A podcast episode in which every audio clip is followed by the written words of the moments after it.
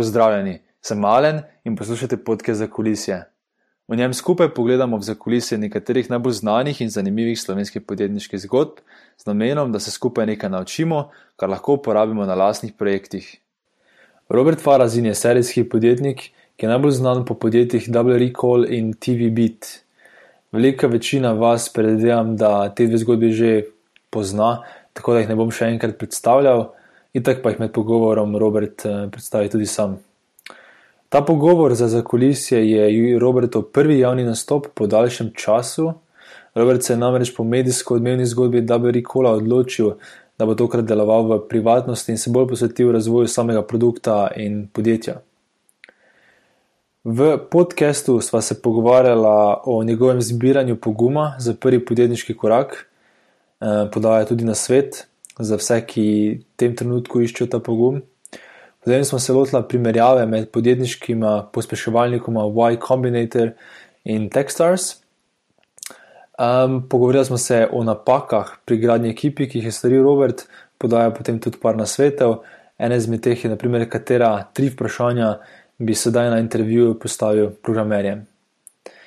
To je to, uh, več boste isto slišali v samem pogovoru, tako da vam želim prijetno poslušanje.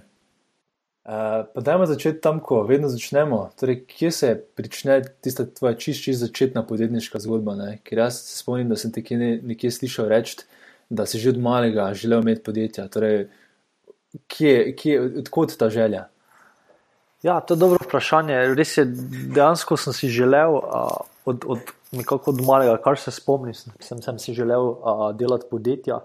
Um, in, in v bistvu še sam točno ne vem, zakaj sem si to želel. Namreč v družini doben ni, se ne ukvarja s podjetništvom, eh, ampak mene pa to nekako pač zelo pritegnilo. In, uh, in dejansko sem par let sanjal o tem, uh, in potem sem dejansko spoznal tudi enega podjetnika, s katerim sem dolgo sodeloval, delal pri njemu, in on me je na koncu tudi mogoče malo mal porino, da, da sem zbral ta pogum in začel svoje podjetje.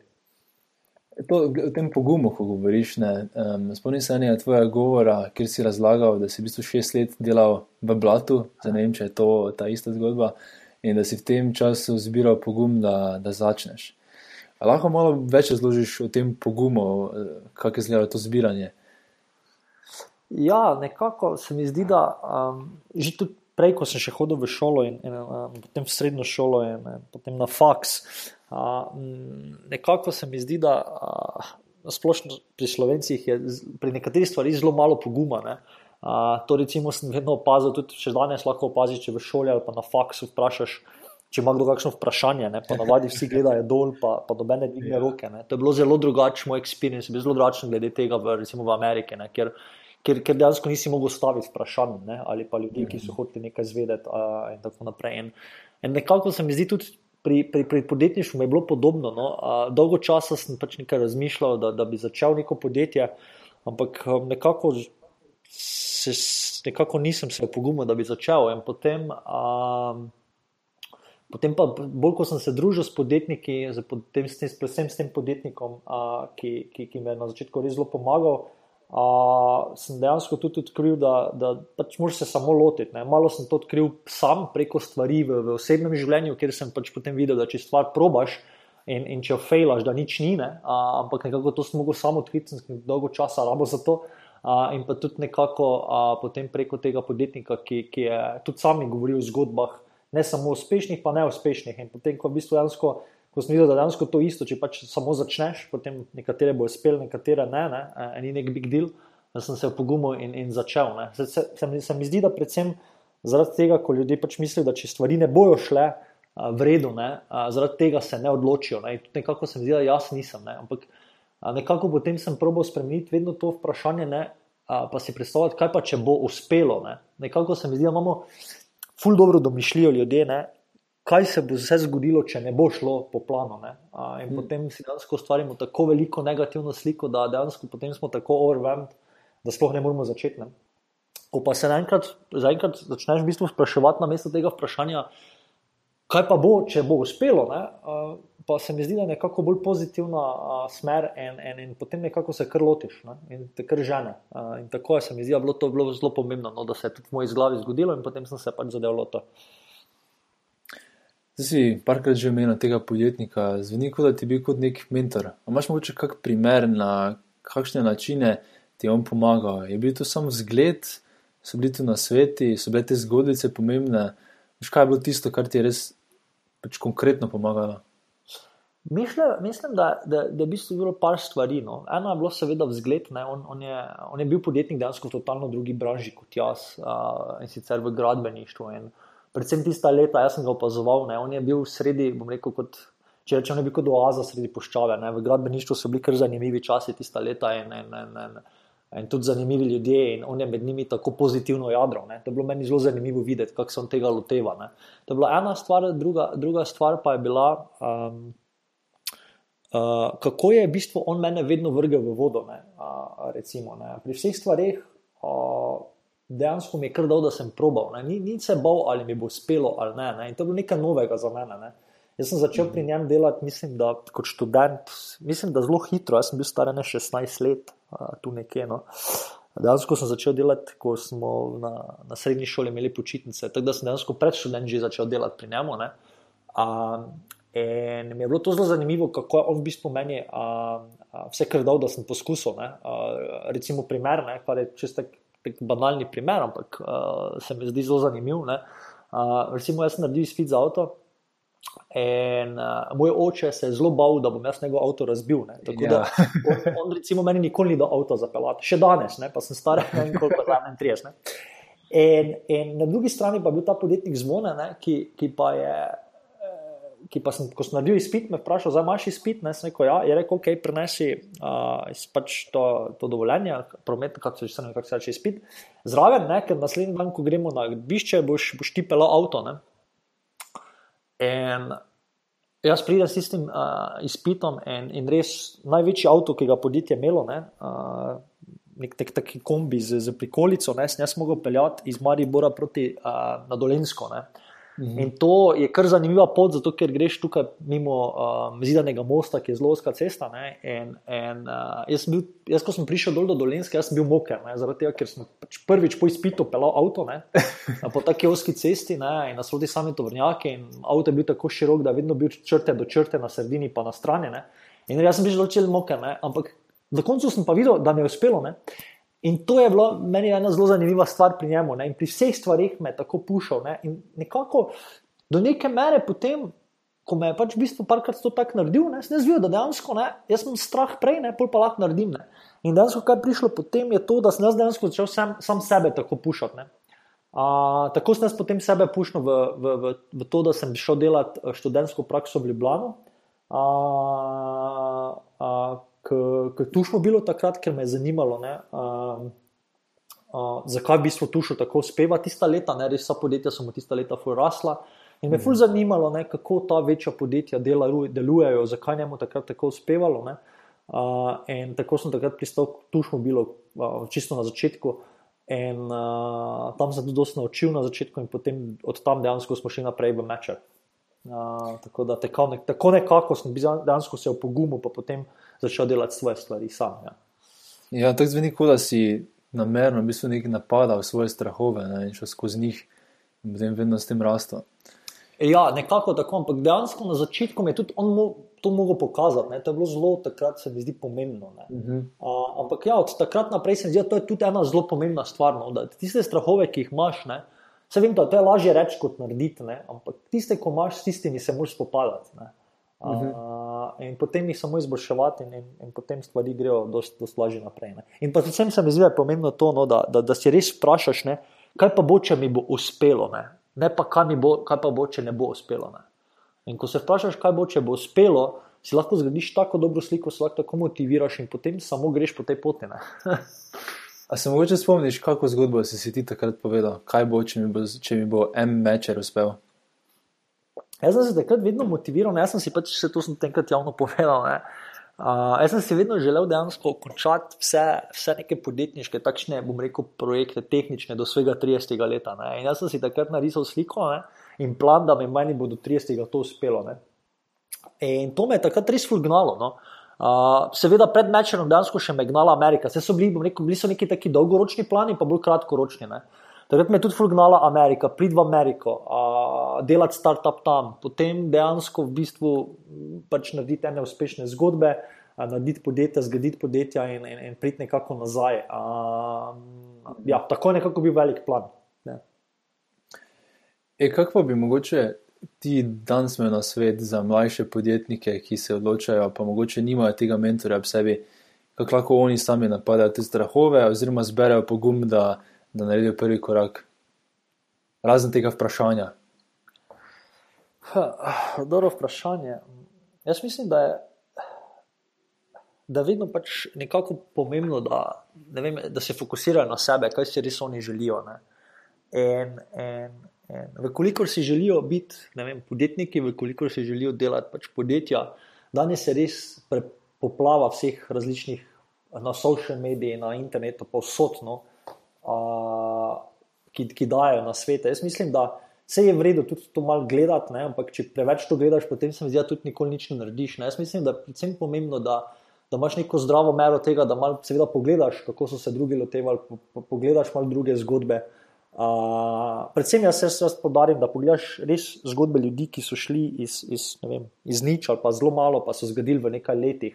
Ne hitro, ne? jaz mislim, da te, ko se hitro zgodi, je dosti krat potrebna sreča. Ampak pa vidiš, da nekateri ljudje, bom rekel, res uh, gradijo to par let, deset let, dvajset let in potem vidiš, kako so rasli, kako so njihova podjetja rasla, potem res nekaj delajo prav. Ne? In jaz mislim, da ti ljudje ti lahko dajo zelo, zelo dober na svet. Uh, tako da te bi vsekakor šel drugače, pa bi se fokusiral na, na, na sebe in, in, in, in probo pač res poslušati, kaj si želim narediti, in potem samo delati, delati na tem. Uh, in se ne sprašovati, kaj ne bo, uh, ampak samo kaj bo in kaj moram jaz narediti za to, da to bo. cool. Pa se zdaj fokusirati na, na tebe, na tvoje prve zgodbe, pogledati, kako si prišel do, do, do TV bita. Torej, kot sem že omenil, si na začetku uh, začel z M-Matcherjem potem pa še si prišel na Double Recall. Ali lahko na kratko pišeš, zakaj je pri vsaki izmed teh idej šlo in kaj so mogoče neki glavni nauki, ki si jih iz njih uh, potegnil? Uh, ja, M-Matcher je bila v bistvu res prva, prva neko, ne prva podjetniška zgodba, ampak neko prva podjetniška zgodba, ki je neko nekako bila v tehnološkem, tehnološkem štartu. Prej, prej sem se delal neke druge zgodbe, ki niso bile ravno tehnološki startupi. In, in kaj smo takrat želeli narediti z mečem, oziroma ideja je bila, da, da, da bi pač v bistvu.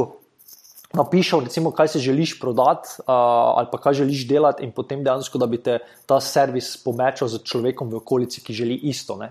Uh, nekako smo takrat zelo poudarjali, uh, uh, Uh, recimo, ne vem, kot nek, nek, nek uh, marketplace, recimo kot je v Sloveniji Bauha ali pa v Ameriki Craigslist. Uh, ampak bila je pa tudi no, zraven tega ideja, ne, dejansko kot, kot Tinder danes, ne, da bi lahko se povezal z ljudmi. Ne, ampak smo bili tako nekako zelo pred časom, o tem nismo niti dosti govorili, kaj smo še zraven tega marketplacea želeli narediti. Uh, ampak uh, smo bili zelo pred časom. No. Jaz mislim, da smo bili pred časom, plus da smo zelo tudi uh, zakomplicirali zadeve. No. Uh, razvili smo za vse platforme možne, uh, dejansko smo premalo testirali z uporabniki. Uh, in po enem letu dejansko smo komaj dali aplikacijo ven in ugotovili, da, da to pač mogoče še doven sploh ne bi uporabljal. Ne. Uh, tako da je bila zelo, zelo dober uh, lesen, ampak uh, tudi ekipo sem takrat spoznal, uh, s katero smo potem skupaj naredili naslednjo zgodbo. Uh, to je bil Double Recall. Uh, Uh, Double Recall je pa bila v bistvu zgodba, ki, uh, kjer smo želeli pa rešiti problem monetizacije spletnih vsebin uh, in sicer predvsem to za premium uh, publishers na spletni strani. To, to predvsem, recimo, kot so vem, Financial Times, Wall Street Journal, New York Times, uh, ki imajo plačljivi dostop do vsebin, ne? torej moš plačati, če želiš brati članke. In dejansko imajo zelo problem, ker nekje, ne vem, 99% ljudi dejansko pač potem, ko to vidi, zapusti stran. In za te strani smo razvili en eh, oglasni format, ki je tudi launchal v Sloveniji, tudi smo ga štartali v Sloveniji, ampak v Sloveniji je bil pač challenge ta, da dejansko je bilo prej vse zastojn. In seveda, ko ti daš nekaj vmes, pa več ni isti experience, se ljudje malo pritožujejo. Tako da tu smo imeli ta challenge, ker je pač potem prej bilo vse zastojn, zdaj pa si dejansko mogel nekaj narediti, da si dobil dostop do vsebine. Ampak uh, target nam je vedno pač žel, smo želeli v US in, in to nam je uspelo. Mi smo takrat prišli v, v to idejo, pa s tem, s tem projektom. Uh, v, v Ameriko preko Y Combinatorja, ki je bila zanimiva zgodba. Uh, tudi smo potem pridobili kar veliko investicij tam. Um, in se preselili v New York, kjer pa nam dejansko ni uspelo dobiti publisherjev na, na, na naš, naš, naš, našo platformo. Mi smo dobili kar nekaj oglaševalcev, dobili kar veliko takrat testnih budžetov, ki so v Ameriki kar zanimivo visoki. Ampak dejansko nismo mogli tega denarja porabiti na, na, na straneh uh, publisherjev, ki so pa takrat menili, da pač to ne izboljša experience userjev. Uh, in dejansko danes še tega problema niso rešili. Tako da uh, je bila neko čist drugačna zgodba, čist drugačna, drugačni tip podjetja med, med recimo Matcher in Double Record, sta dve zelo velike razlike, eno bolj consumer oriented, en je bil dejansko čisti B2B. Uh, ampak uh, pri obeh dejansko na koncu nismo uspeli. Kaj meni je zanimivo, enkrat sem slišal zgodbo, mislim, da sem slišal obe zgodbi in za Double Recall in za TV Beat, kako si prišel na idejo. In se mi zdi, da razblini marsikatero tisto idejo o podjetniku, ki sedi v sobi in pride na neko fenomenalno idejo, in potem se zapre z ekipo in, in razvija. Ne? Da bi te prosil, da malo poveš, kako si sploh prišel do ideje za Double Recall, veš, kak, kje si ta osnovni pre, problem prepoznal. V bistvu je bilo tako, da uh, Double Recall, uh, mi smo takrat, ko smo tam mečer delali, ne, ta ekipa, mi smo dejansko uh, imeli smo še, mislim, da, jaz mislim, da sem porabil več denar, ki sem ga kot študent našparal. tako da smo imeli, mislim, da še nekje dva meseca do življenja, tu nekje. No. In, in takrat smo mogli nekaj novega narediti. Ne. Mi smo se pogovarjali, kaj bomo naredili. In takrat uh, sem se jaz dejansko dobil idejo, da Uh, in to čisto tako nekako spontano. No? Uh, in sicer, ko sem bil na Tušmobilu, sem dosti krat slišal iz marketinškega departmenta, da, da, da dejansko ti banerji več ne delujejo, ne? Da, da ne vejo sploh, če kdo te banerje vidi uh, in tako naprej. Ne? Na drugi strani pa sem uh, prebral potem dolgo časa po tistem uh, en članek na TechCrunchu, kjer, kjer so napisali, da je Sunday Times v Londonu v bistvu zaprl vsebine, torej je, je štartal s paywallom, to je v bistvu, da moš plačati za vsebine, in da so imeli ne vem, nekje v enem dnevu, dveh tednih, 99-odstotni upad vseh bralcev. Ne. In, in ko sem nekako te dve zadevi skupaj povezal, ne, sem se vprašal, okay, zakaj ne bi dali recimo uh, marketinškim departmentom nekakšne boljše povratne informacije, boljšega engagementa z njihovim oglasom.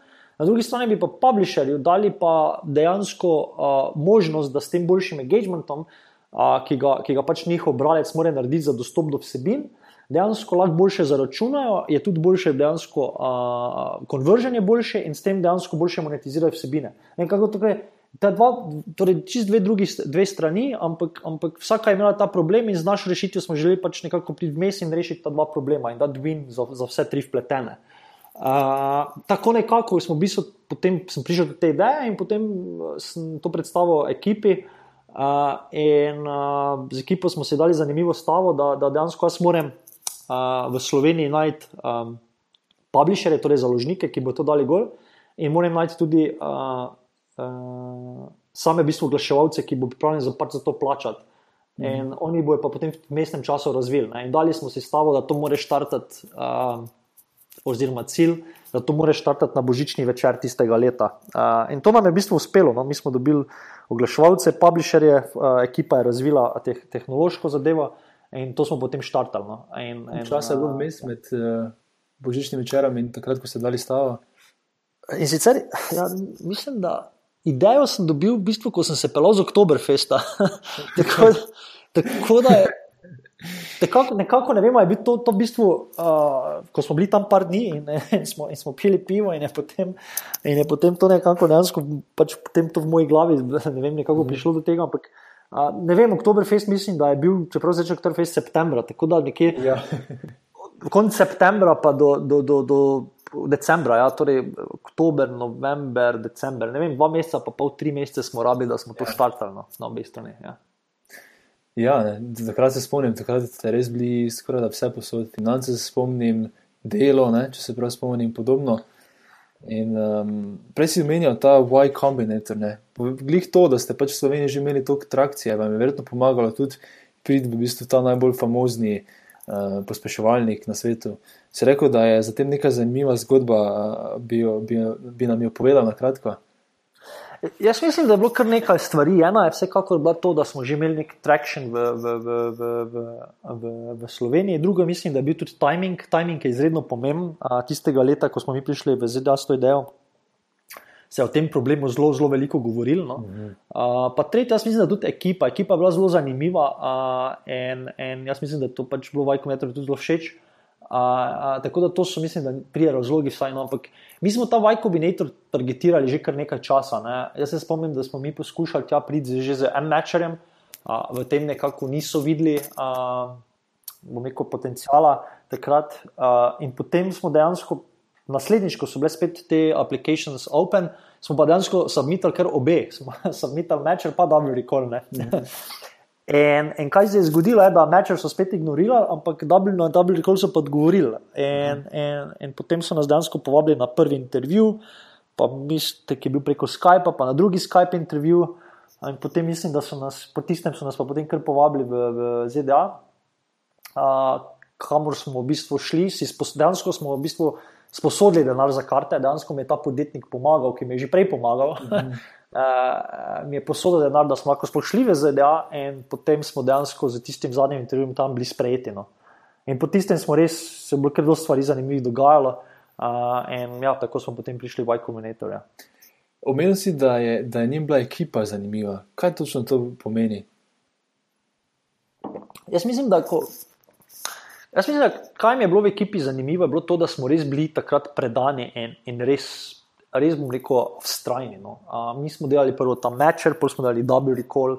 Uh, uh, in tudi, eh, bom rekel, uh, recimo, kaj, en primer, ki smo ga izpostavili na Vajku Monitorju, se spomnim, da en vikend je takrat bil nek celski obrtni sejem in, in vem, da je šlo par naših inženirjev v bistvu tja in so prodali glase. Ne. Tako da nekako ta dedication uh, cele ekipe pa tudi pozitivizem cele ekipe in je bilo zelo zanimivo. No? Uh, in uh, ja, tako so nas potem sprejeli. Ja. Se spomniš mogoče tega procesa prijave? Ne? E, je bilo kaj zanimivega, oziroma nekaj takega, na kaj je potrebno paziti? Torej, če se danes nekdo iz Slovenije odloča, da se bo prijavil na Boy Combinator, kak na svet bi mu dal? Obstaja kako več triki vprašanje ali pa uh, neki posebni kriteriji, ki mogoče ti kot alumni za njih pač veš. Zdaj, od tega že kar, mislim, da ne šest let. Ja, ja. tako, da, tako da jaz, koliko kol, kol, kol sledim in trenutno res to malo manj sledim, a, s, a, so se vprašanja in, in vse malo spremenilo, no, vse v postopek. Tako da mislim, da bi potem naslednji fanti, ki so bili slovenji, mogoče imeli pa boljš, boljš, boljš na svet glede tega uh, kako se prijaviti, pa kako zdaj v bistvu najboljše iti na, na Y Combinator. Ampak kot vedno, jaz mislim, da uh, dve stvari sta pač vedno najbolj pomembne. Eno je, eno je ekipa, pa drugo je tudi v bistvu problem, ki ga rešuješ. Uh, in in če, se, če so te dve stvari res, uh, rekel, uh, v, v njihovih nekak, nekih pričakovanjih, potem seveda imaš pač kar veliko priložnost, da, da boš prišel v, v, v Y Combinator. Ampak te dve stvari morata res biti top, uh, ker je pač konkurenca glede tega zdaj res velika. Tudi Y Combinator zelo zdaj globalno deluje in, in dejansko vabi podjetja iz celega sveta, da se prijavljajo. Mislim, da takrat so začeli, ravno ko smo mi to se prijavljali, se je tudi že o tem govorili, ampak ni bilo toliko ekip od zunaj, danes pa mislim, da jih je kar več. Mm -hmm.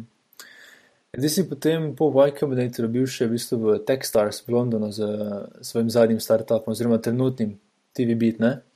Kako bi primerjal ta dva akceleratorja?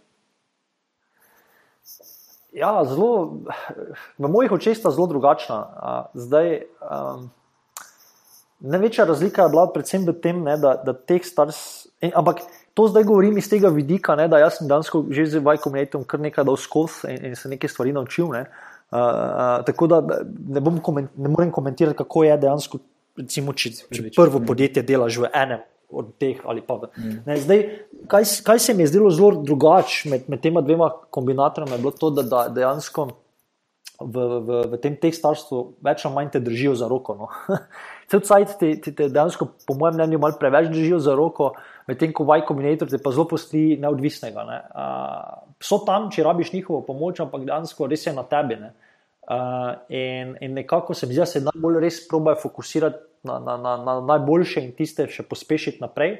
Medtem ko teh stars pa je bolj v bistvu, nekako, uh, da, da vsem pomagajo, uh, celo mogoče malo preveč, in potem se mi zdi, da podjetniki danes sploh niso čisto you know, odvisni od sebe, ampak se fulno naslanjajo na inkubator. In, in uh, iz tega vidika dejansko meni se zdi, da je Y Combinator uh, dosti boljši. No? Uh, in, in, in se tudi. Ne vem, tudi se mi zdi, po rezultatih so boljši. Zdaj, to je pač nekako moj občutek, a, kakšna podjetja so vložili, a, pa kakšni so rezultati teh podjetij, ampak dejansko nimam pa podatkov o tem, če je to res ali ne. ne. Ampak po občutku se mi zdi, da je Vajkominator vložil v boljša podjetja, tudi ima boljše rezultate. A, a, in jaz bi vsekako priporočal Vajkominator bolj kot Techstars. A, jaz mislim, da tudi v Vajkominator dosti težje priti kot Techstars. Kako to potem, da si se odločil iti v Techstars, ker ti kot alumni Y Combinator, v bistvu imaš tam, um, bi imel dostop tudi svojim naslednjim startupom, ne? če jaz to prav razumem. Ja, zdaj razlog, zakaj sem se odločil, da se TV bitom iti v, v Techstars, sta dejansko, rekel, v bistvu dva. Zdaj, jaz, jaz sem štartal dejansko TV bit v Ameriki, ko sem živel tam. Jaz sem potem, preden sem se preselil nazaj, sem že imel v, v glavi pač to idejo, uh, katero bom pač štartal. Dejansko to idejo sem takrat predstavljal uh, skupaj prejšnji ekipi, pa, pa tudi v bistvu tam v, v Ameriki sem razmišljal, da bi jo zagnal. Ampak uh, razlog, zakaj sem se odločil priti nazaj v Evropo, je bil ta, da dejansko uh, trg za to idejo je tam prevelik. Vem, da se to sliši morda malo mal čudno, ampak kaj mislim s tem je to, da, da tam so podjetja, ki smo jih mi targetirali, oziroma ki jih na TV-bitu danes targetiramo, so zelo velika. In, in, in narediti nekaj s temi podjetji je za startup, takrat je to bil en človek, jasne, skoraj nemogoče. Ne?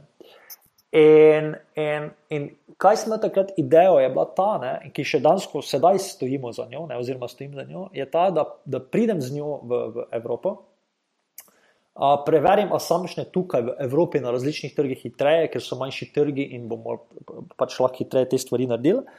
In, in potem, ko bo čas pravi, pridem nazaj v Ameriko. In to je še vedno plan. A, lahko o tem mogoče malo več kasneje. In to je bil, bil razlog, da sem se takrat s TV Bitom odločil iti v, v, eh, v Evropo. In ko sem prišel v Evropo, po ne vem, parih letih v, v Ameriki, je bilo kar zanimivo. No?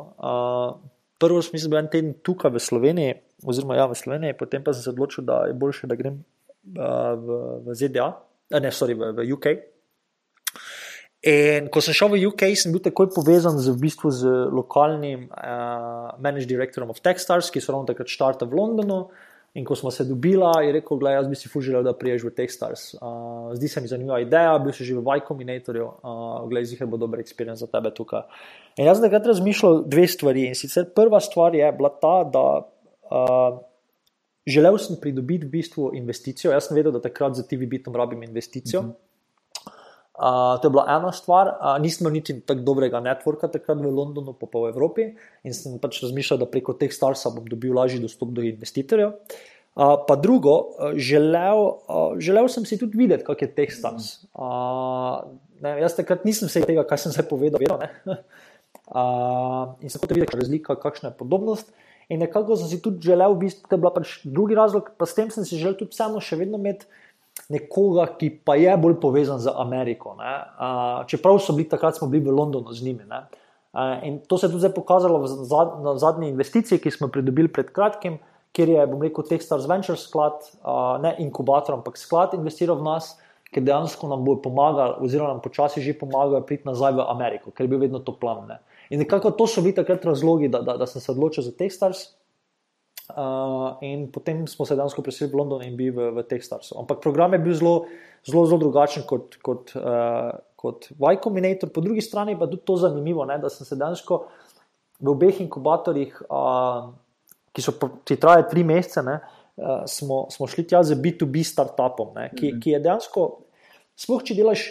Ne B2B, ki bom rekel, tem small businessom. Ne. Ti v treh mesecih lahko še dobiš nekaj small businessom bolj. Ne.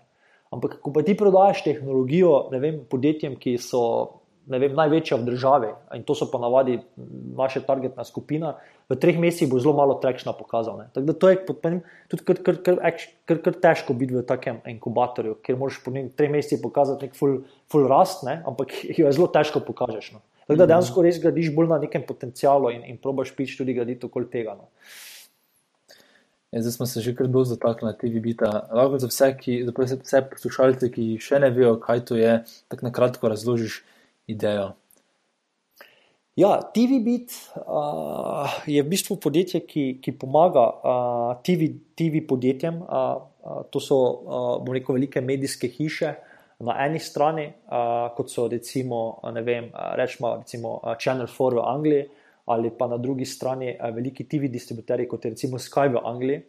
In pomagamo v bistvu uh, zbrati vse, vse podatke uh, uh, na vseh platformah, ki jih imajo. Ko govorimo o podatkih, predvsem Uh, imamo tri skupine podatkov, to so podatki o TV gledanosti, podatki o oglaševalcih, oziroma oglaševanju na televiziji, in pa podatki o, o sami, samem, samem uporabniku, ki gleda televizijo, torej demografski podatki. Eh, TV Bit zbere vse te podatke, jih obdela in ponudi v bistvu orodja, ki pomagajo tem podjetjem boljše monetizirati TV vsebine, torej povečevati dejansko oglaševalske prihodke.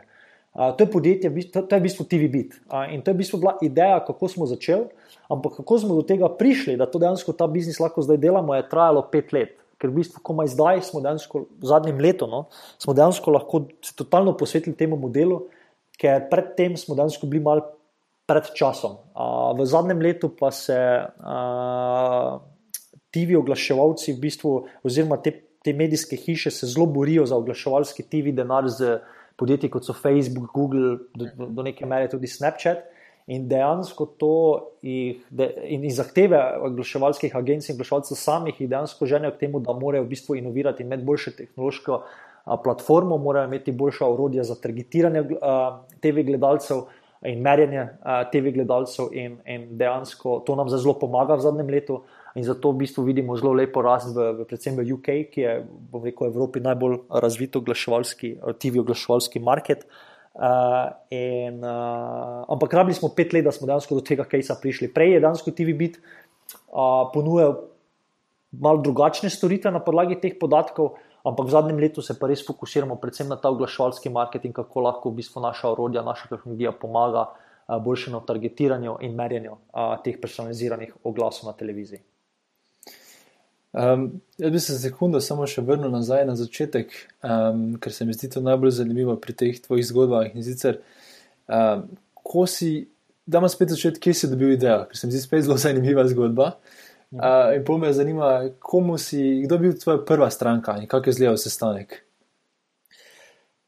Ja, zdaj, uh, kako sem dobil to idejo, je v bistvu kar, tu pa je res kar zanimiva zgodba. No? Uh, in sicer. Um, Mi smo takrat, ko, ko smo videli, da nam Double Decol ne bo šel v Ameriki, ko smo dejansko res uh, poskušali vse in, in dejansko nismo mogli prodreti na, uh, na ameriško tržišče, predvsem teh založnikov. Uh, po reku, po ne vem, nekje malo manj kot letu smo se, smo, smo se odločili, da bomo mogli pivotati, uh, da pač da, da Double Decol ne bo šel in, in bomo mogli narediti nekaj drugega. In takrat uh, smo dejansko se vsela ekipa, ne, tista kore ekipa, smo se dali v, v, v Maud, kjer smo iskali ideje. In res vsi smo iskali ideje, se pogovarjali z večjimi ljudmi. In, in dejansko, jaz sem se takrat tega tako navadil, da vedno, ko sem spoznal kakšnega novega človeka, sem ga samo spraševal o, če, o tem, kaj počne, v kakšni službi je, kakšne probleme ima v službi, kaj bi lahko s tehnologijo rešili. in, in takrat sem bil potem, po tistem en, eno, en, en teden v Ljubljani in v tistem tednu sem uh, v bistvu bil predstavljen, čisto mimo grede na enem kosilu, uh, Denisu Oštirju iz, iz takrat Pop TV-a, oziroma mislim, da še sedaj tam. In, in ja, kot, kot vsakega sem tudi njega vprašal, kakšen problem ima v službi. Ne? In on je bil takrat urednik 24 ur in on je rekel, da. Da dejansko največji problem je, da nima dobenega analitičnega orodja. Da, da vse, kaj dobi, je naslednjo jutro dobi nek Excel, uh, kjer so neke številke not, ampak to je iz nekega panela uh, in, in nima lepega dashboarda, nima lepega urodja, tako kot recimo ima digitalni digital department v uh, njihovem uh, 24.com.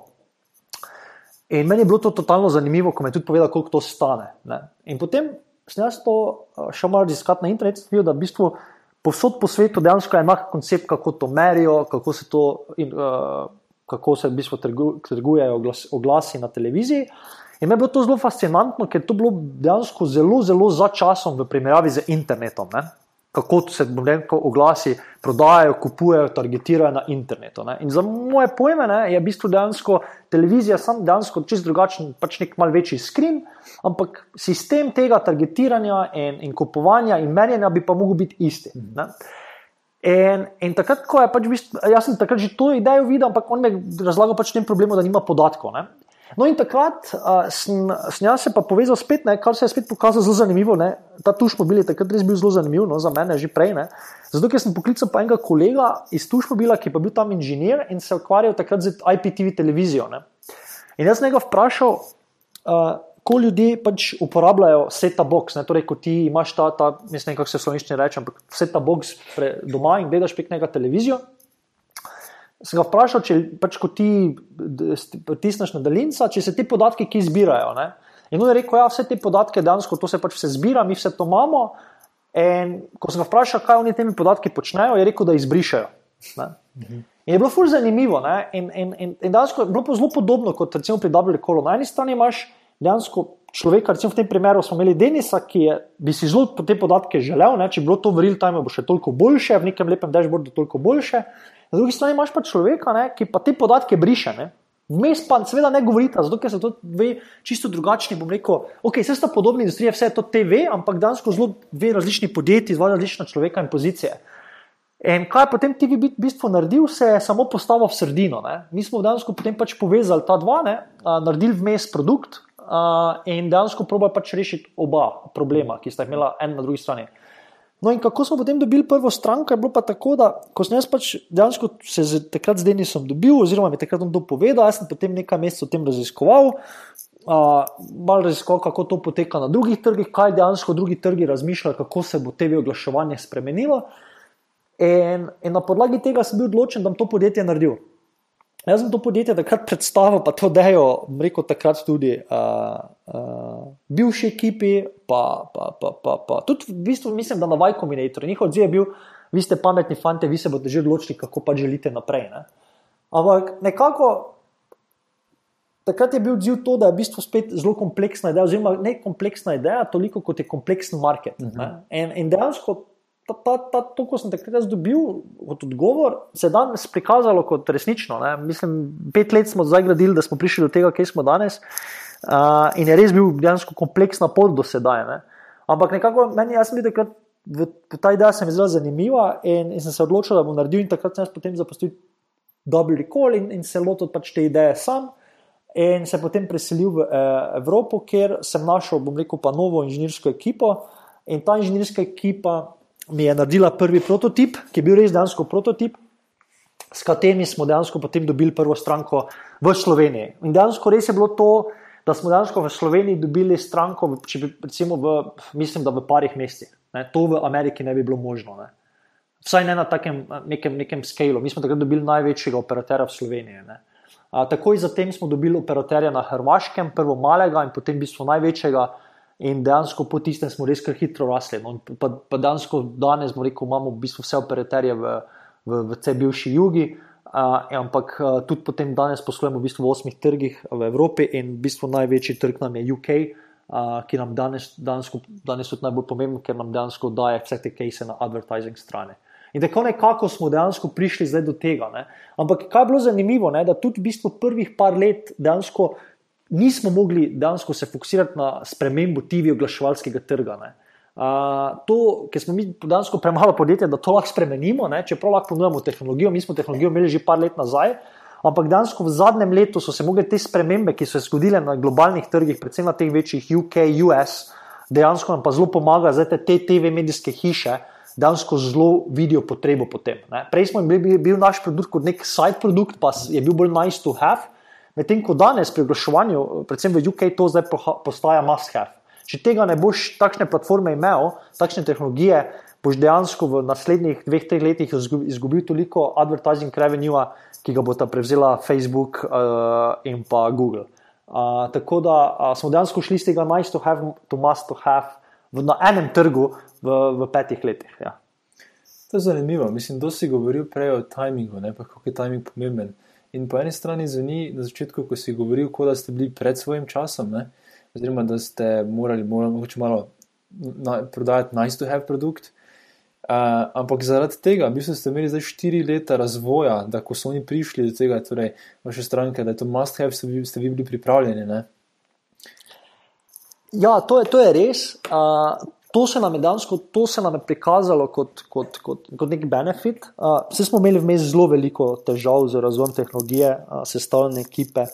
Uh, in tehnološko smo zdaj zadeve rešili, tehnologijo imamo res v neko, ki, ki, ki, ki, ki, ki, ki v bistvu stranke so zelo res uh, amazed nad našo tehnologijo. Uh, ampak kaj se je pokazalo tudi kot nek side, uh, bom rekel, uh, challenge tega, če si tu early, ne, je pa to, da, da ko delaš že tako dolgo in, in res pušaš ta market, ne, uh, se utrudiš. Ne, mm. In vse je benefit tega, da že imaš redi zadeve, ampak potem pa pridejo ključni momenti, ne, ti si pa utrujen ali pa ekipa utrujena, mm. to pa ni vredno. uh, to je ena stvar, ki ni vredno, druga stvar, ki ni vredno, je to, da mi smo venture capital-based backed firma. Mm. In to pomeni, da vi vsi bi radi, da se stvari dogajajo hitreje. Ne. Tudi jaz osebno bi rad, da se stvari dogajajo hitreje. Ne. Ampak nekako na tem trgu se počutim, kot da v bistvu vozim lokomotivo, ne, oziroma sem sam potnik na lokomotivi. Ne. In zdaj, zdaj jaz ne morem te lokomotive premakniti, da bo šla hitreje. Uh, ampak, ko pa pride na isto postajo, pa moram imeti stvar redi. in, in, in, in vse jo imamo redi, ampak ta, ta lokomotiva je hodila tako dolgo na te postaje ne? in še hodi na določenih trgih, zato se zdaj zelo fokusiramo na UK in s tem takoj potem nazaj na US, zato ker ta dva marketa sta redi. Tukaj se Facebook, Google že zelo uh, borita za ta TV oglaševalski denar, uh, platforme kot so Sky Channel 4 iščejo rešitve in jih rabijo, uh, ker drugače bo izgubil in že določeni segmenti izgublja advertising revenue. In, in, uh, in, uh, ja, in zdaj tehnologijo imamo, ampak kot sem rekel, pač so neke slabosti tega, če si tu. Ne? In, in včasih ne, potem se zgodi tudi to, da ko pa pride rekel, pa sveža ekipa v pravem času. Uh, in, in če lahko tudi razvijajo tehnologijo tako hitro, te lahko dejansko zaradi tega, ker so bolj, bolj sveži in uh, lahko tudi dejansko pač prevzamejo market. In ker ti kot, kot podjetje, ki si tu early, ti tudi educators market, uh mhm. -huh. ti dejansko full vložiš yeah. Ja. sredstev, časa, energije. Da ti educators market, yeah. mi ja. smo to delali par let, uh, zato vložili veliko denarja. Ne? Mi smo rezali do danes 4 milijone uh, in to je v bistvu bil sit, post-sit smo še naredili. Uh, mi še serije A nismo rezali, zaradi tega, ker serijo A bomo rezali dejansko, ko bomo imeli te glavne case uh, v, v oglaševalskem trgu v UK uh, dokazane. Te pa se še vedno dokazujejo z, z, z, z našimi strankami. Ne. Jaz zasebno še nikoli nisem imel težave, ki zdaj razlagaš o utrujenosti ekipe in se mi zdi to tako zelo abstraktna zadeva. Lahko malo bolj konkretno poveš, kaj točno to pomeni, da je utrujena ekipa in potem kako mhm. poskušaš to zdaj rešiti. Ja, zdaj, jaz gledam na utrujenost z dveh strani. Ne. Ena utrujenost, je, je, ki, ki po mojem igra kar veliko vlogo, je psihična utrujenost. Ne. Zdaj, pri startupu ti, mislim. Vedno, vedno, vedno se nekaj dogaja, ne? se tudi sam veš. Vedno, vedno, vedno je nek nov deadline, vedno moš nekaj novega narediti. In, in ko si ti par let že v tem, res, uh, ko moraš hitro te stvari delati, uh, se tudi psihično trudiš, no, dobiš dosti zavrnitev. Vse te zadeve nekako vplivajo na tebe, na ekipo. Mhm. Uh, druga stvar je pa tudi ta, da, da dejansko, ko, ko, ko dolgo časa rekel, delaš na takej frekvenci, se tudi fizično trudiš. Ne?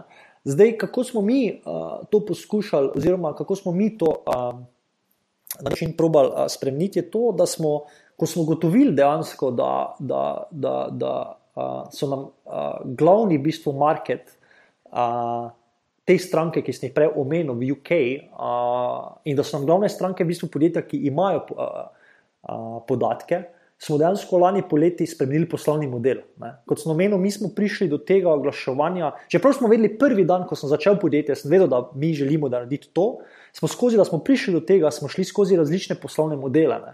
Ker pač smo bili -hmm. malo pred časom in danes, ko mi nismo mogli govoriti o personaliziranem oglaševanju, ne vem, leta 2013, če pa še dejansko da nima sploh tehnologije na, na njihovi strani, da bi to omogočala. Tudi oglaševalci še niso bili redi, tudi Facebook in Google se niso dovolj fokusirali na TV in tako naprej.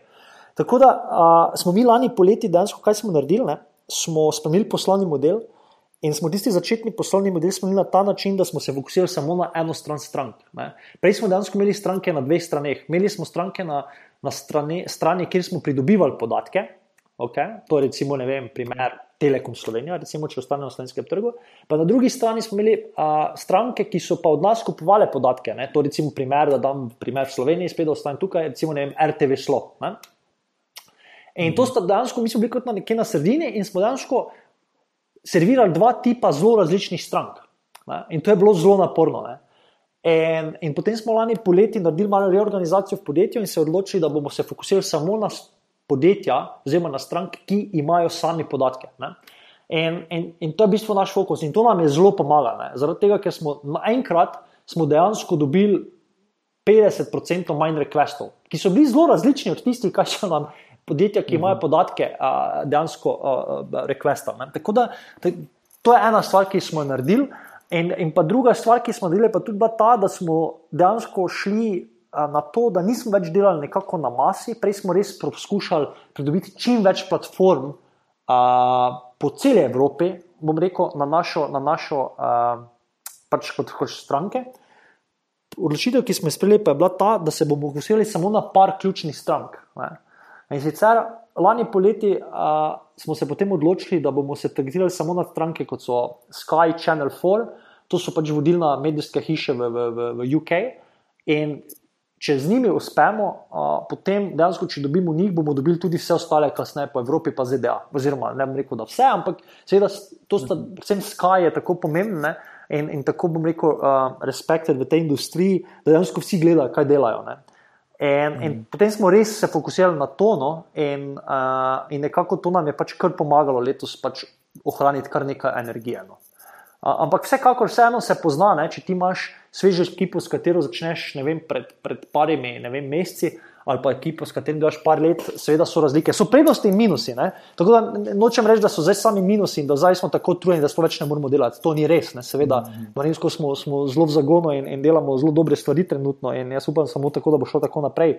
Ampak a, vsekakor so, so neki challenge, če začneš prehitro. Ne. Potem je pa tudi challenge tega, da dejansko, uh, če začneš prehitro, moraš potem rezati še malo več denarja. Ne? In, in vsako rezanje denarja je psihično zelo naporno, uh, bom rekel, predvsem za management ali pa founderje, do, do, do neke mere tudi do, seveda, do ostalega dela ekipe, uh, odvisno pač kako transparentno pač vodiš podjetje. In, in uh, sploh, ko podjetje pač, recimo, more pač zapreti rundo, če, če, če ne zapre, recimo pač podjetje ne bo več obstalo in tako naprej. Tako da so to sliči zanimivi neki, neki stepi, ki jih moraš narediti. In, in če, če narediš, če, če štartaš prehitro, oziroma če si pred, pred nekim pred potrebo na trgu, boš mogel verjetno rezati malo več, kot si si mislil. No. tako da to, to je, bom rekel, ne da je samo uh, psihično naporno, ampak je tudi drago iz, iz, iz, uh, iz uh, kota gledanja, uh, recimo, koliko uh, pač nekih, nekih, nekega deleža podjetja imaš. No. Mhm. Kdo e, si govori o ekipi? Ne? In v bistvu ti si v taki zanimivi situaciji, ko si moral dvakrat zgraditi e ekipo, skoraj izničle. In me zanima, zdaj v tem drugem primeru, ko si gradil za TV Beat, kako si uspel najti? Mislim, veš, kako je izgledal ta proces, na kaj biti pozoren, ko gradiš ekipo.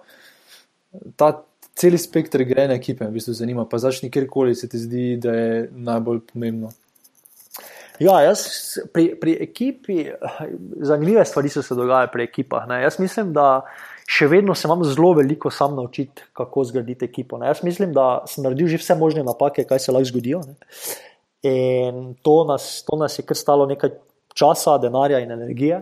Uh, jaz mislim, da zelo pomembna zadeva je, sploh če se lotiš ideje, ki je tehnično zelo zahtevna. Ne. Mi, v bistvu, rekel, to, kaj mi delamo, ne, je tehnično kar dokaj zahtevno. Uh, smo v bistvu eno redkih podjetij v tej regiji, mi imamo inženirske ekipo sedaj v Zagrebu, ki, ki dejansko rešujemo nek big data problem. Ne. Mi trenutno uh, skelamo več kot par milijard, milijard eventov na dan. In da smo do tega prišli, je bila zelo, zelo krvava pot. In, in jaz, kot takrat, rekel, founder tega podjetja, jaz se nisem zavedal, kako je to tehnično zahtevna stvar. Ne. In In kaj bi rekomendoval vsakemu, ki začne neko rekel, podjetje, ki je pa rekel, bo zahtevalo zelo kompleksen ali pa dovršen tehnični produkt, je, da si najde zelo dobrega tehničnega co-founderja. Ker, ker če si tega ne narediš, ne, kaj se zgodi, je, da dejansko rekel, ja, jaz se bolj vidim kot produkt, produkt guy, business guy, ne, predvsem. Rad se ukvarjam s produktom, ampak, ampak tudi delam, sploh na začetku, uh, business development. Uh, ne, potem to pade na tebe. Ne? In zdaj, kot če imaš mreko, tehničnega co-founderja, že s tem, ko imaš mreko, res potem rečemo znanje v hiši, bojo se zgodile narobne odločitve. Ne? Ali pri hiringu, ali pri ne vem, neki arhitekturni izbiri, in tako naprej. Če pa, če pa bom rekel, nimaš dobrega co-founderja, pa še lahko napake, še vedno, dosti večje. Ne? In tu, to jaz mislim, da je prva stvar, ki bi jo vsakemu nekako predlagal, da si res najde dobrega tehničnega co-founderja, veliko gre v podjetje, oziroma štarte podjetje, ki je tehnično zelo zahtevno. Um, Predtem greš na drugo. Tako da greš na drugo. Uh, Predtem greš na drugi uh, predlog, oziroma uh, kako zgraditi ekipo. Mi samo ta prvi del, če razloži, ko se reko prvo, da najdemo dobrega tehničnega co-founderja. Kako sploh najti dobrega tehničnega co-founderja? Zelo dobro vprašanje. Jaz sem imel, bom rekel, kar, kar, kar izzive pri tem. Uh, in, uh, in bom rekel, ja, jaz, jaz bom rekel, tega problema sam še nisem rešil, tako da težko dam na svet.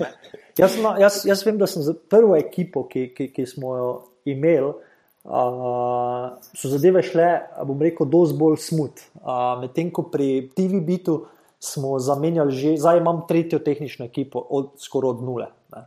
Tako da je bil kar pravi roller coaster uh, z, z grajenjem tukaj. In zaradi tega, predvsem se mi zdi, da dejansko so vsi podcenjevali, kako velik je ta tehnični problem, ki ga moramo rešiti. Uh, mm. Bom rekel, v tretje, je, v, v, kaj se je pa zgodilo pri tretji ekipi, sedaj dejansko pa je bilo to, da oni pa niso podcenjevali tehničnega problema in smo tehnični problem rešili in ga rešujemo res na, bom rekel, zelo, zelo dober način, a, ki, kar, kar dejansko za sedaj zaznava tudi vsa industrija, dejansko so zelo presenečeni. Recimo, samo en, en primer, ne, a, recimo, da, da, da, da, da, da, kakšna, kakšna je recimo, razlika med neko tehnologijo, ki jo ima trenutno v industriji, pa mi. Recimo, primer, ne, en izmed največjih a, platform, TV platform v Evropi, v UK. Potrebuje za en dan, da procesira podatke ne, o gledanosti, o oglaševalcih, pa, pa o demografiji, potrebuje 26 ur. Torej, za vsak dan potrebuje dansko več, kot, kot traja en dan. Ne? In recimo, TVB tehnologija isto stvar naredi v šestih minutah. In, in to, to je dansko tako, tako, tako neverjetno za njih, da v bistvu. Ne morejo verjeti, ko mi to povemo. Pa, ko še jim pokažemo, ko vidijo številke, ne morejo verjeti. Ne? To je ena stvar, ki, ki, nam, ki, ki smo dejansko komaj s tem ekipom razvili. Druga stvar je pa ta, da dejansko uh, lahko kreirajo TV segmente, torej kako prodajajo oglaševalcem oglaševalski prostor, lahko v našem urodju dejansko kreirajo on the fly. Torej, nekako kot, kot da bi šel na Facebook, pa dejansko lahko izbereš segmente, demografijo, katero bi lahko targetiral in ti po realnem času pač kaže, koliko boš imel riča in tako naprej. Ne? To je bilo dejansko tudi nepredstavljivo za TV hiše. Ne? Dejansko tam je trajalo, da so kreirali en segment, ne? torej recimo ljudi, ki živijo v Londonu, pa imajo avto, ki so starejši tri leta. Ne? recimo, da so kreirali ta, ta segment, je trajalo dva do tri tedne ročnega dela. Ne? V našem urodju se zgodi v petih sekundah, ko naklikaš. Tako da to tehnologijo smo res razvili zelo dobro. Ne? Ampak imamo pa rekel, nek drug challenge trenutno, ne? ki ga tudi rešujemo že nekaj časa, je pa kako dejansko organizacijsko a, izboljšati zadeve in jih pripraviti do te mere, da bomo lahko pa skalali inženirsko ekipo. Ne? Torej, tu imamo pa stoj, bom rekel, trenutno največje težave. Ne? dejansko bi mogli skelati ekipo in nekako nam to še ne uspeva, uspeva uh, res vredno. No. In to bo počasi postalo ključno, predvsem zaradi tega, ker, ker, ker v naslednjo uh, leto Q1 štartamo US. In že imamo v bistvu dejansko prve stranke zainteresirane, in, in, in, in smo že zelo pozni s tem. No. Da, to je trenutno na, rekel, na ekipi, trenutno moj največji challenge. Ne, ne več inženirski problemi, ki so bili, bom rekel, prejšnjih par let, a, ampak res kako bomo to zdaj skalali, to ekipo. In tukaj to pa še nismo rešili. Prej sem te prekinil. Gremo na drugo točko, glede tega, kaj je pomembno pri eh, nabiranju ekipe. Ja, jaz bom rekel, da na to vprašanje zelo rad odgovorim, ker sem jaz naredil toliko napak, pa nisem dober, da bi dal na svet. Ampak jaz... mogoče povej par napak, to je tudi zanimivo. Ja, no, napakah pa lahko govorim naslednjo uro. napak pa je res bo kar nekaj. Ne? Jaz mislim, da sem uh, dosti krat dejansko, uh, ko sem recimo, na začetku, predvsem, no, zdaj tako, jaz ne hajram več inženirske ekipe, ampak na začetku, ko sem jo, uh, dejansko sem zaradi mojega neznanja ali pa nerazumevanja tehničnega problema, sem dejansko uh, pač zelo površno gledal na to. Uh, Kakšno tehnično znanje ima ta človek, kakšen tehnični background ima ta človek. Ne? Uh, dejansko, če smo rešili big data problem, sem jaz hajal človeka, ki dejansko še nikoli ni rešil prej big data problema. Vse, ok, vse ga lahko mogoče, ne? ampak seveda, spet, zdaj, da ga bo rešil, je verjetnost manjša kot pa tisti, ki ga že parkrat rešil, ne? tisti je že delal v tem ekosistemu. Da, recimo, na to nisem bil pozoren. Torej, sem zaposlil ljudi, ki v življenju niso tega predelali ali pa niso imeli take, takih problemov za reševati. Uh, zelo, zelo sem bil bolj, bom rekel, uh, vizualen, kot pa, kot pa kako naj rečem uh, kot pa bi se posvečal dejansko tisto, kaj pa je pod, pod, pod tem, tem vizualnim. Ne. Recimo, meni je bilo zelo všeč, če nekdo zna narediti lep interfejs. Ampak Aha. danes, ko vidim, ne, interfejs je v našem urodju, vse je pomembno. Vse nam, do strank se reče, kako kak so urodja preprosta. In seveda, nočem podcenevati tega, je pomembno. Ampak naša core tehnologija je ta backend, ta, ta, ta, pa infrastruktura, ki spada skupaj s tem backendom. In, in, in, ampak jaz tega dolgo nisem razumel. Ne? In seveda, zato smo na začetku, predvsem, ko sem prve inženirje zaposloval, sem dejansko videl, da sem na robe zaposlil, ko smo dejansko failali pri stranki. Ne? In to je seveda ful, ful prepozno. Uh, ful sem premalo delal na, na, na tem, kaj je, še, kaj je njemu še kaj druga pomenilo, kot pa sam, sam inženirski izdelek in produkt, ne, kako vidi sodelovanje v ekipi, kako mu je to pomembno. Vse te zadeve se nekako dajo na stran. Ne, in, uh, in ko gledam nazaj, so to bile zelo, zelo drage napake. Ja. Če bi danes, rečemo samo, da bi lahko tri vprašanja na intervjuju postavil enemu developerju oziroma svojemu potencialnemu CTO-ju, uh mhm. -huh. kaj bi ga vprašal? Uh, če bi. Um, za TV bit bi ga vprašal, po vsem tem, kaj sem šel skozi, bi ga vprašal, uh, kakšno, kakšno infrastrukturo in, in uh, arhitekturo je že sestavil iz nule. Uh, do tega, da je bila možna injekcija par milijard uh, eventov, pa jih procesirati. To je bilo prvo vprašanje. Koliko ima izkušenj mm -hmm. s tem, koliko krat je že to naredil? Mm -hmm. Drugo vprašanje, uh, kako vidi rast ekipe, kako bo gradil ekipo, kaj misli, kateri so kor funkcije v tej ekipi in kakšne so vloge med njimi in kakšna je v bistvu interakcija med njim in njimi. Uh, tretje vprašanje. Uh, Mogoče, kako, daleč, kako daleč je dejansko pripravljen iti s tem podjetjem? Ali je pripravljen tudi sam rast s tem podjetjem? Kaj ne zna? česa ga, čega, čega pa misli, da ne zna. Ker to se mi zdi enako skoraj pomembno, da se zaveda, kot pa to, kaj zna. In, in, in, in tega nisem nikoli tako spraševal. Ampak zdaj upam, da bi. Ker za naslednjo podjetje vsekakor bo, bo, bo mogel to malo boljše narediti, kot sem sedaj. Ful, dobro. Ful, ful, dobro, ta tri vprašanja. Hvala ti za to. Uh, ampak še eno povezano vprašanje s tem, ali si ti v zadnjem času delal kaj na svojem lastnem tehničnem znanju? da boljše razumeš to celo zadevo. Zdaj, a, do neke mere, seveda, skozi vse te probleme in rešitve sem se kar nekaj naučil, ne? ampak, ampak zelo tako na hajle. Naučil sem se s tem, da boljše razumem problem, ampak vsekakor, seveda, ga ne znam rešiti sam. Ne? Mhm. Zdaj, jaz mislim, da nikoli ne bom dejansko sam inženir, jaz, jaz, in, in zato bi rajši delal na tem, da si najdem. Uh, Za naslednjo podjetje, ki ga bom pač enkrat naredil, zelo dobrega tehničnega co-founderja. To se mi zdi bolj pomembno, da znam to izbrati in izbrati dobrega, a, kot pa dejansko sam biti tako dober, da lahko gradim tehnično ekipo. Nekako se mi zdi, da pač, ko gradiš podjetje, pač vedno moraš najti tudi sebe, v čem si najboljši, oziroma pač najrajši delaš, pa misliš, da si najboljši in se fokusirati na tisto. In jaz bi se raje izboljšal v tem, kot pa dejansko postajajo boljši v, v, v ne vem. A, oziroma iz, uh, neko reševanje inženirskih problemov. Uh, mislim, da so, so inženirji in, in, in rajši bi se izboljšali, kako boljšega, uh, najboljšega tehničnega co-founderja ali hajrati uh, boljšega CTO-ja uh, ali pa mogoče na svetu kakšno drugo funkcijo tehnično v podjetju. Ja. Ok, Robert, pa da imamo priče na par um, končnih vprašanj, um, ki Nekatera so, nekatera niso vezana na podjetništvo. Sicer prvo vprašanje je, kakšen svet bi dal sam sebi pri 25 letih?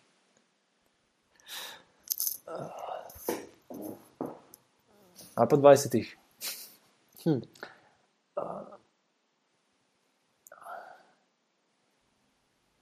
dejansko se mi zdi, da je ful pomembno, no, ko tako pogledam nazaj, da res uh, poskušaš uh, čim bolj izkoristiti čas. Uh, in, in, in dejansko čas zelo hitro gre. No. In, in jaz mislim, da je ful pomembno, da, da, delaš, da se fokusiraš, da delaš prave stvari. Uh, ker se mi zdi, da danes, ko je toliko noj za vse okolje, lahko zelo hitro dejansko zgubiš veliko časa. In uh, to se mi zdi zelo pomembno, no, da ko delaš podjetje ali pa, pa karkoli druga delaš, no, mhm. da se res fokusiraš in, in probaš čim bolj optimizirati ta, ta čas. Uh, ja, to, bi, to bi spremenil. No. Se mi zdi, da zelo dož časa je šlo za stvari, uh, ki se mi zdi, da sploh niso bile pomembne, ko jih zdaj pogledam. Ne. Ampak seveda takrat tega nisem vedel. takrat se mi je zdelo fajn. Imaš kot primer? Recimo, en, en primer je, da smo mi takrat, ko smo, ko smo, ko smo šli v, v Vajkometer, zelo dož časa, energije so, smo takrat izgubili na tem, da smo bili tako izpostavljeni. Uh, in, mm -hmm. in, ko, in to, to, to, to, to, to, recimo, delam zdaj pri TV-bitu zelo drugače, zelo probam pač se fokusirati se res na podjetje, uh, reševanje challenge-ov, uh, rast podjetja, uh, pri, do, fokus na to, da bodo stranke dejansko, da bomo rešili njihov problem, ker seveda, kako ti rešiš problem od stranke, potem seveda hočejo še več od tebe, ker jim rešuješ neko stvar, dodaješ vrednost.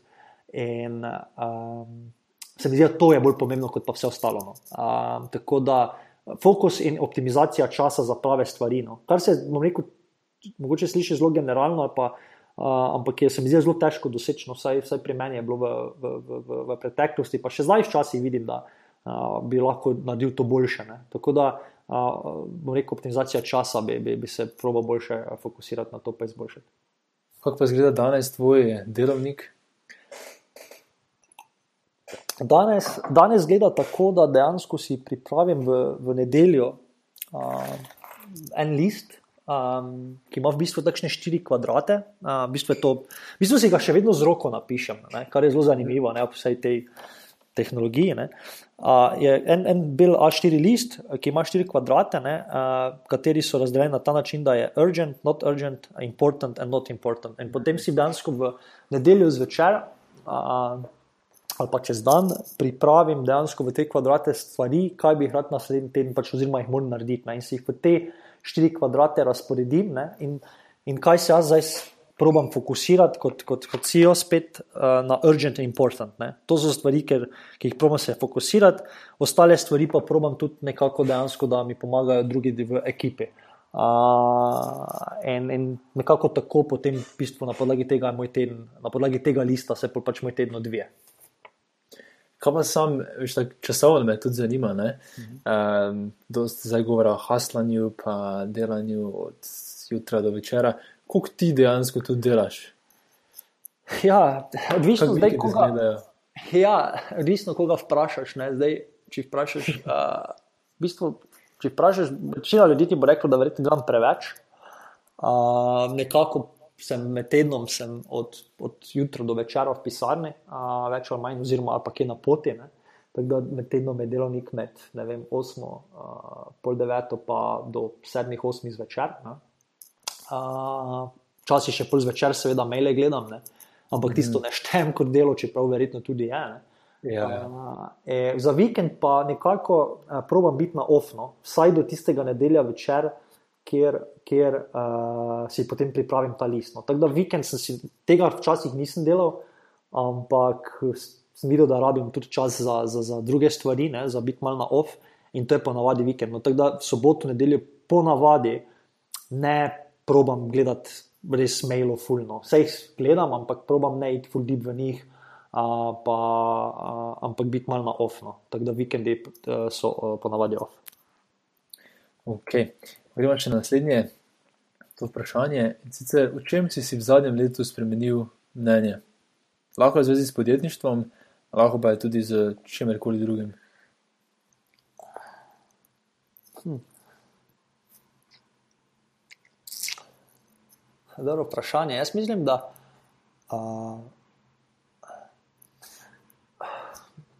V bistvu ne vem točno v zadnjem letu, ampak v zadnjem obdobju bom pa odgovoril, da sem si spremenil mnenje zelo o tem, uh, dejansko, uh, uh, o tem, koliko je dejansko.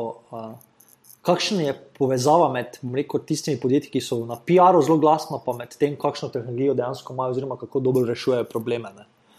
In, in, in, in čas se mi zdi, da uh, vedno bolj dejansko vidim, da uh, dosti krat so podjetja, ali pa, ali pa predvsem na začetku zelo glasna, ne, uh, pa zelo dosto obljubljajo. In, in, in, in, in, se mi zdi, hitro lahko padeš v to. No, in, uh, jaz pa sem o tem, se mi zdi, da je kar spremljiv mnenje. No, se mi zdi, da je kar, uh, kar drugače vidim te zadeve. No.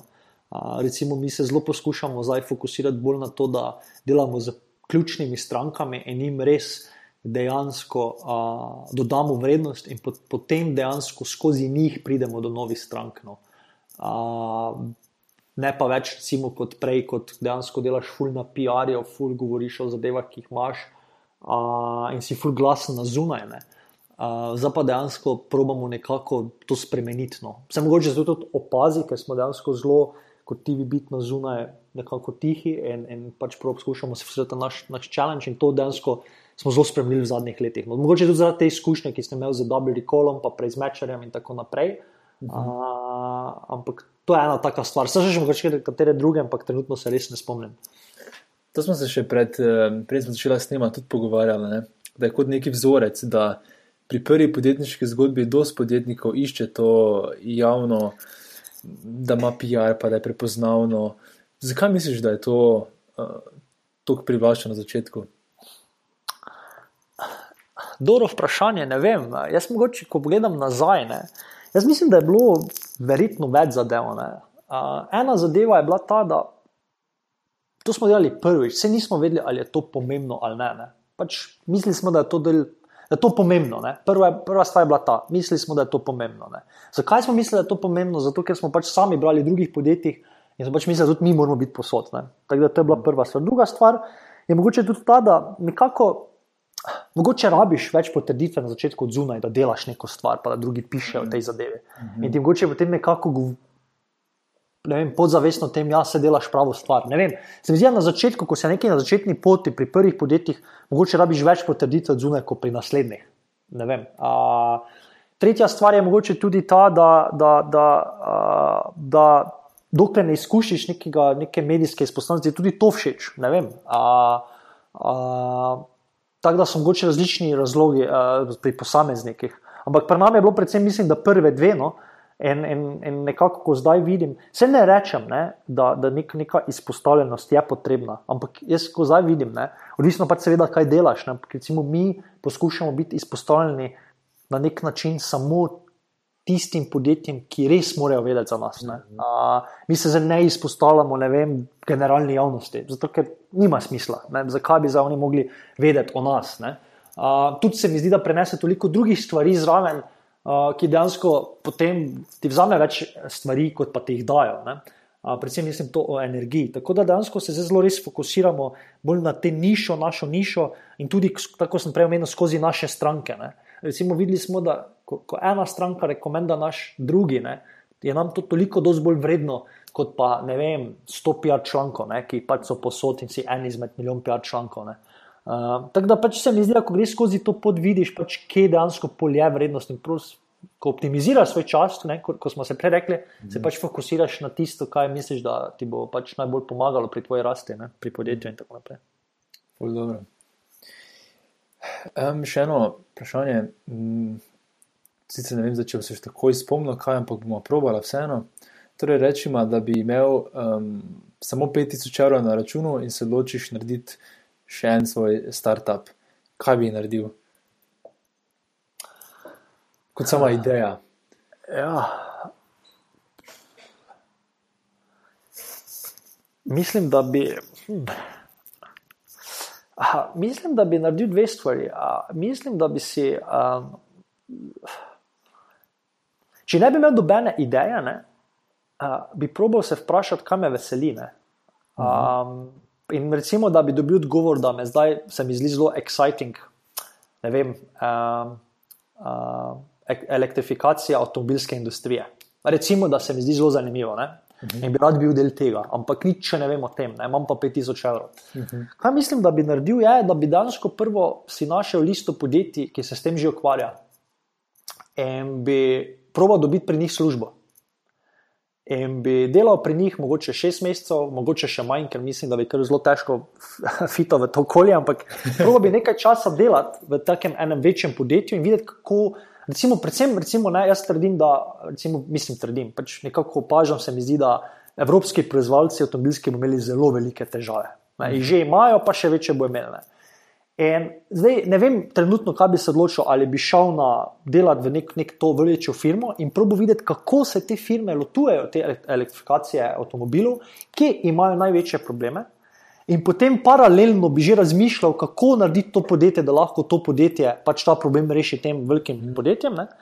Ali pa bi danes šel totalno v drugo smer, pa bi šel delati v, uh, v nek, mogoče že startup, ki dela elektrifikacijo, uh, ki pomaga pri tej elektrifikaciji avtoindustrije in opazovati, kako oni poslujejo, kaj se dogaja, kako rastejo, ali so v pravem času ali so prehitro. In, in potem mogoče paralelno pa začeti razvijati neko svojo idejo na tem. Recimo, če bi pač probo delati v tej industriji. Ne? Mislim, da bi se lotil na nek tak način. No? Uh, ja, nekaj 5000 evrov, vse je mogoče lahko štartaš nek online biznis, ampak uh, ne vem. Jaz mislim, da tudi historično, ko gledam, ne, jaz, jaz mislim, da ko pogledam pri sebi, ne, rezanje denarja ni bil nek problem, ne, kar se morda sliši tako malce čudno. Ne.